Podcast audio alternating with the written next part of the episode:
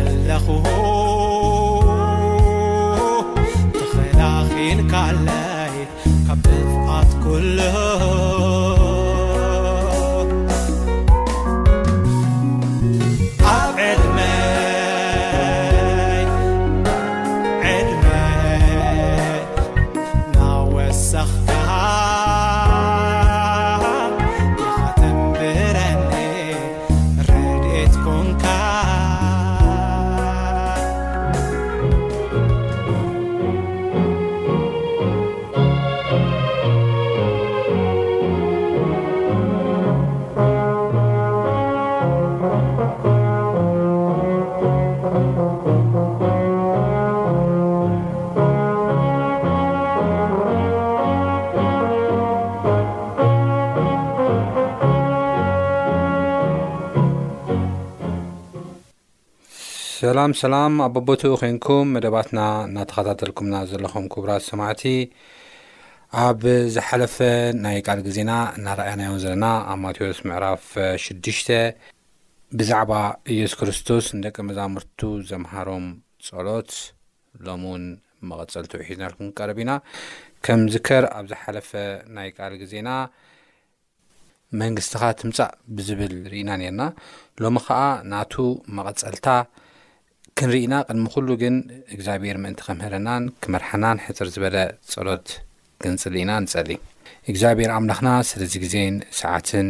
ነመስግነካ ኣለና።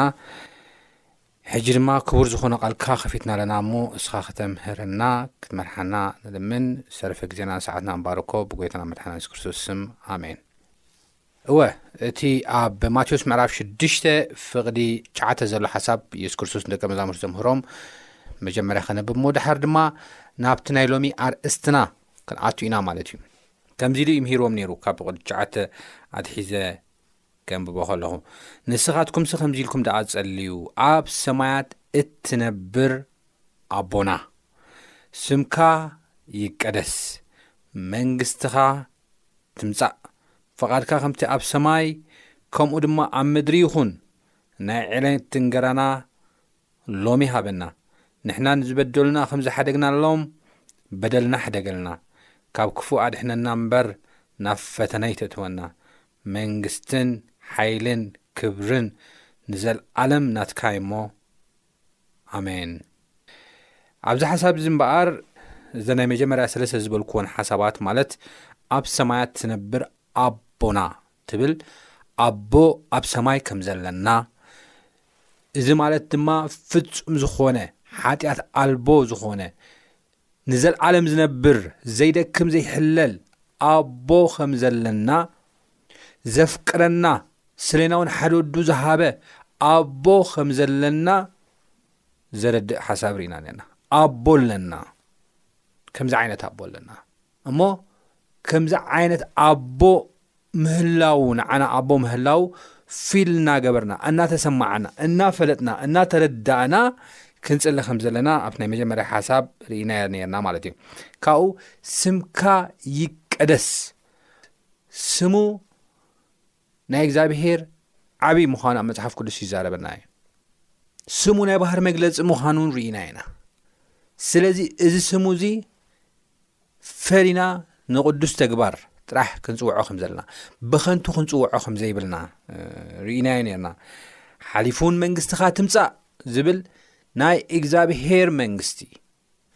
ኣብ ቀረባ ግዜ ነዚ ናይ ሰይጣን መንግስቲ ናይ ዲያብሎስ መንግስቲ ሓጢኣት ዝዓብለለሉ ሓጢኣት ዶሚነይት ዝገበረሉ ዓለም ተወጊዱ ናይ እግዚኣብሄር መንግስቲ ብፍጹም ኣብዛ መሬት እዚኣ ከም ዝትከል ይነገረና ዩ መፅሓፍ ቅዱስ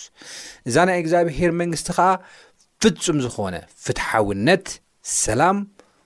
ሓድነት ፍቕሪ ነንሕድሕድካ ድማ ምትእምማንን ምርድዳእን ዘለዋ መንግስቲ ከም ዝኾነት መጽሓፍ ቅዱስ ይዛረበና ነይሩ ስለዚ እዛ መንግስቲ እዚኣ ኩሉ ዝሕጎሰላ ብሓባር ዝሕጎሰላ ሓደ ተሓጒሱ ሓደ ዝሓዝናላ ጥራሕ ዘይኮነስ ኩሉ ብሓባር ዝሕጎሰላ ኩሉ ብሓባር ዝዝምረላ ኩሉ ብሓባር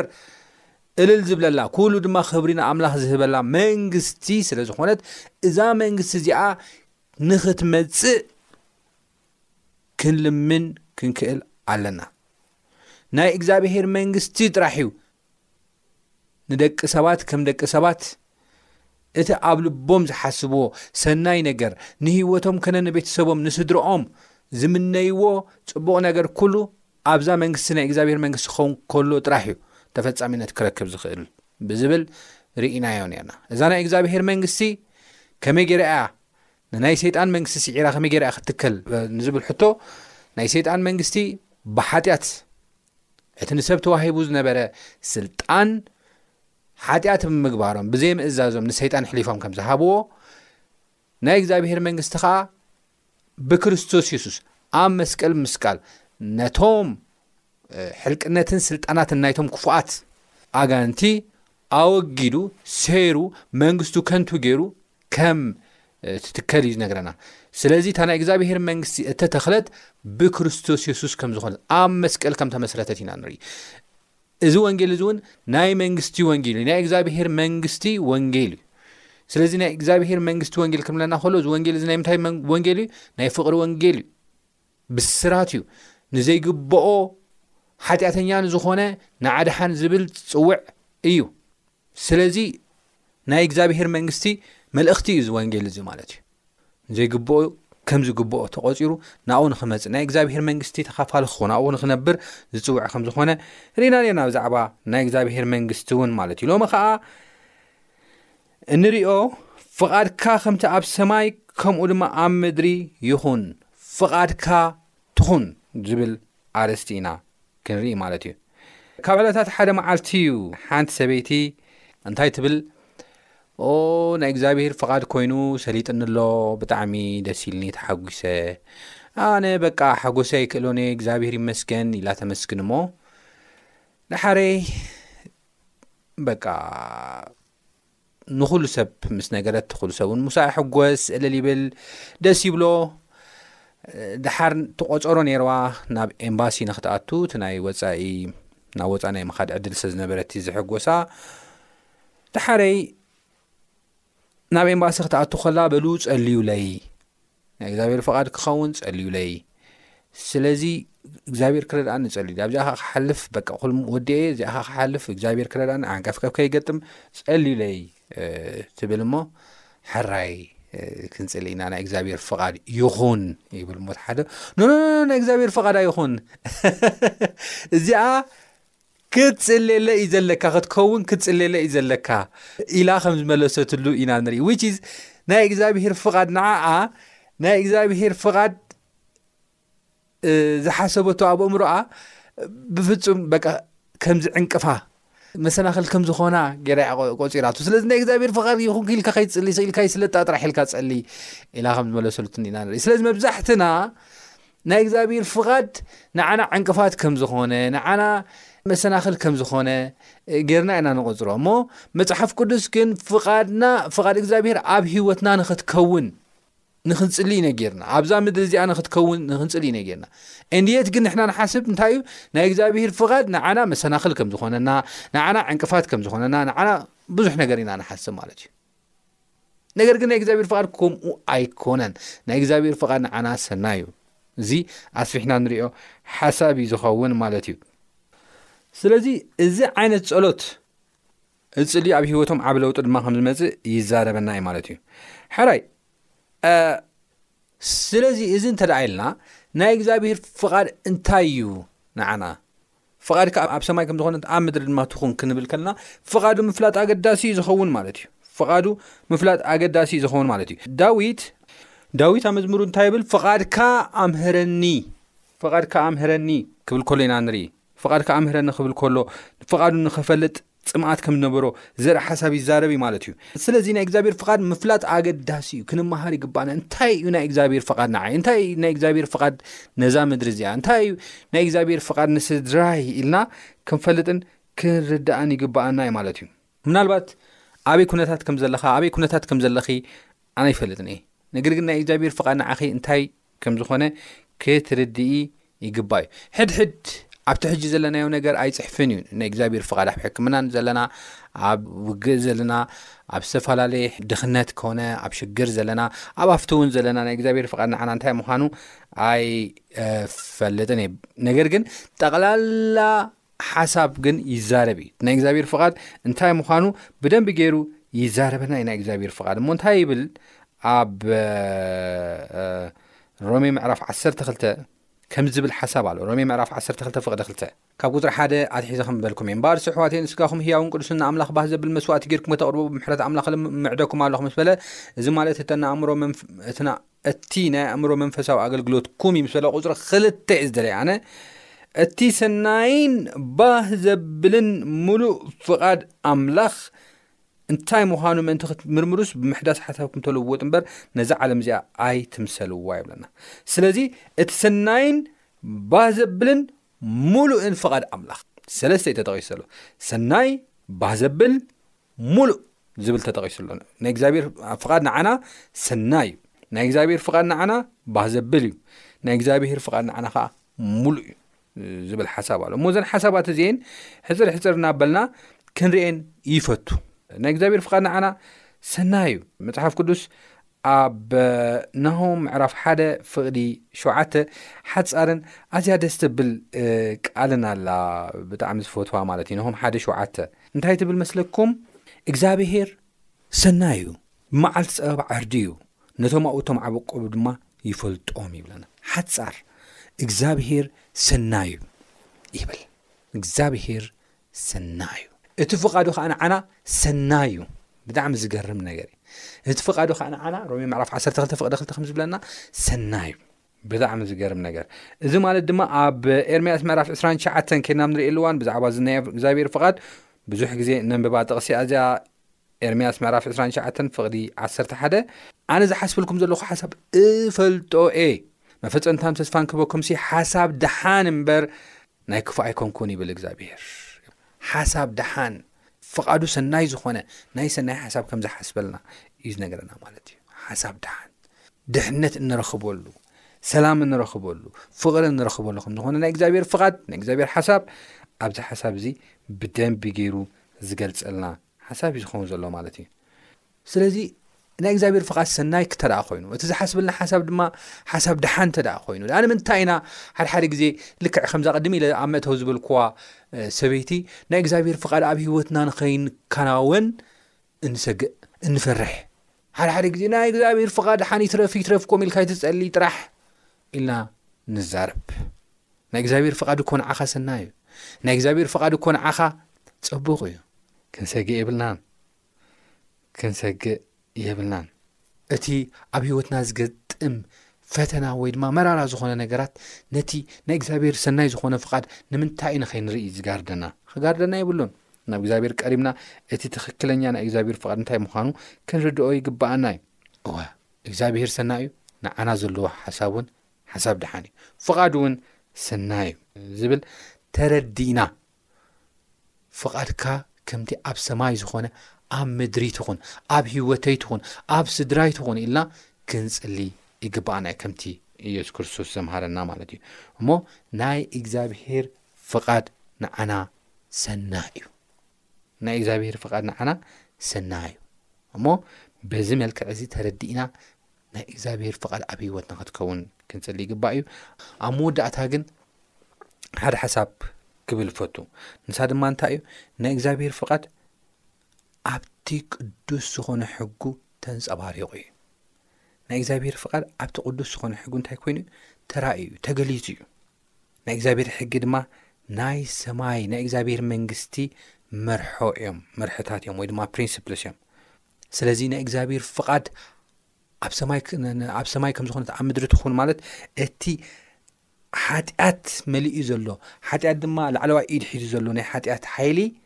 ተሰይሩ ፅድቂ ሓይሊ ንክሕዝ ዝጽውዕ ጸሎት እዩ ማለት እዩ ሎሚ ኣብ ዓለምና ሓጢኣት ክፍኣት ላዕለዋይ ኢድ ሒዙ ግፍዒ ላዕለዋይ ኢድ ሒዙ ይጓዓዝ ኣሎ እዩ ነገር ግን ፍቓድካ ከምቲ ኣብ ሰማይ ይኹን ከምቲ ኣብ ሰማይ ዝኾነ ኣብ ምድሪ እውን ይኹን ክንብል ከለና እዚ ላዕለዋይ ኢድ ሓጢኣት ሒዝዎ ዘሎ ተሰይሩ ናይ ጽድቅን ፍትሕን ርትዕን ኣብ ምድሪ ንኽሰፍን፣ እቲ ሰናይን ምሉእን ባህ ዘብል ናይ እግዚኣብሔር ፍቓድ ድማ ኣብ ምድሪ ክኸውን እዩሞ፣ እዚ ናይ እግዚኣብሔር ፍቓድ ንምፍላጥ ድማ ናይ እግዚኣብሔር ሕጊ ክንርዳእ ይግባኣና እዩ። ናይ እግዚኣብሔር ሕጊ ብሓፂሩ ከመይ ገይሩ እዩ ናይ እግዚኣብሔር ፍቓድ ዘምህረና ክንብል ከለና ንኣብነት ናይ እግዚኣብሔር ሕጊ ብፍላይ ከም መበል ሓምሻይ ዘሎ ትእዛዝ ክሳብ ዓስራይ ኬድና ንርእየሉ እዋን እንታይ እዩ ዝብል ኣቦኻን ኣዴኻን ኣኽብር እዩ ዝብል ኣብ ስድራና ዘሎ ርክብ ሙሉእ ክብርን ፍቕርን ዘለዎ ተዓቂቡ ዝነብር ኩሉ ግዜ ደስታ እንረኽበሉ ክኸውን ስለ ዝደልዩ ናይ እግዚኣብሔር ትምኒት ኣብዚ ክንሪኦ ንኽእል ኢና ካብኡ ኣይትቕተል እዩ ዝብል ኣይትቕተል ክንቀታተል ናይ እግዚኣብሔር ፍቓድ ኣይኮነን ብህይወት ክንነብር እዩ ናይ እግዚኣብሔር ፍቓድ ሓሊፉ እውን ኣይትሓሱ ክንሕሱ ሓሶት ምትእማን ይጉድል እዩ ከይሓሰና ብሓቂ ክንመላለስ ኣብ ርእስና እውን ስግኣት ንኸይህሉ ዝፈጥር እዩ ኣይትዘሙ ኣይተመንዝር ሓዳርና ክንክብር ከም ዘለና እዚ እውን ዘምህር እዩ ማለት እዩ ናይ ሰብ ኣይትመነ ኣይትስረቕ ዝብሉ ሓሳባት ከዓ ከይድና ንርኢ ኣሉዋን ንፕሮፐርቲና ንንብረትና ዘለዎ ናይ እግዚኣብሔር ፍቓድ ኩሉ ግዜ ተዓቂቡ ሴፍ ኮይኑ ንክነብር ዘለዎ ትልሚ እዩ እዚ ካብ ሓምሻይ ሕጊ ክሳብ ዓስራይ ዘሎ ሕጊ ንእሽተይ ብሓፂሩ ክነግረኩም እየ ፈቲነ እሞ ኣብዚ ሕግታት እዚ ኣብ ንብረትና ዘሎ ኣብ ሓዳርና ዘሎ ኣብ ስድራና ዘሎ ኣብ ግሊ ሂወትና እውን ንሕና እውን ሂወትና ተሓልዩ ናይ ካልኦት ሂወት ሰብ እውን ተሓልዩ ንክንነብር ዝፅውዑ ሕግታት እዮም እዚኦም ናይ እግዚኣብሔር ፍቃድ ድማ ንሕና ብህይወት ክንነብር እዩ ንብረትና ውን እቲ እግዚኣብሔር ዝባረኸና ንብረት ውን ኢንጆይ ክንገብሮ እምበር ብፍርሓት ታእሽሙ ክንከውን ኣይደልን እዩ ሓዳርና ውን ተዓቂቡ ኢንጆይ ንገብረ እንሕጎሰሉ ክኸውን እዩ ዝደሊ ናይ እግዚኣብሔር ፍቃድ ኣብዚ እኳ ክንሪኦ ከለና ኣብዘን ሓሙሽተ ትእዛዛት ስለዚ ብሓፂሩ ሕጂ ከም ዝገለፅኩዎ ናይ እግዚኣብሔር ፍቃድ ኣብ ናይ እግዚኣብሔር ሕጊ ተንፀባሪቑ እዩ ዝበልኩ ነዚ እዩ ማለት እዩ ናብ ራብዓይ ትእዛዝ እውን ከድኩም ክትሪኦ ከለኹም መዓልቲ ሰንበት ኣኽብር ፍሉይ ዝኾነ ርክብ ምስ እግዚኣብሄር ንሕና ንዑ ነምለኸሉ ንሕና ንዑ ንሰግደሉ እሱ ከዓ ንዓና ዝባረኸና ቅዱስ መንፈሱ ዝህበና ግዜ ክኾነልና ፍሉይ መዓልቲ ከዓ ፈሊ እዩ መንፈሳዊ ሂወትና ዝዓበየሉ ነቶም ክዛረቡ ዘይክእሉ ጣዖታት ንኸይነምልኽ ካብኦም ዝሕሉ ሕግታት ከዓ ቀዳማይን ካልኣይን ከዓ ከይድና ንሪኢ ኣለዋ ንሱ እዩ ስም እግዚኣብሄር ብኸንቱ ኣይትፀውዕ ዝብል ከዓ እግዚኣብሄር ሪቪር ክንገብር ከም ዘለና ከነኽብር ከም ዘለና ዘርኢ ሓሳብ እዩ ማለት እዩ ስለዚ ናይ እግዚኣብሄር ፍቓድ ኣብቲ ሕጉ ተንፀባሪቑ ከም ዝርከብ ኢና ንርኢ እሞ እዚ ፍቓድ እዚ ኣብ ሕጉ እናረኣና እግዚኣብሄር ንዓና ዘለዎ ሓሳብ ሓሳብ ደሓን ምዃኑ እግዚኣብሄር ንዓና ዘለዎ ፍቓድ ሰናይ ምዃኑ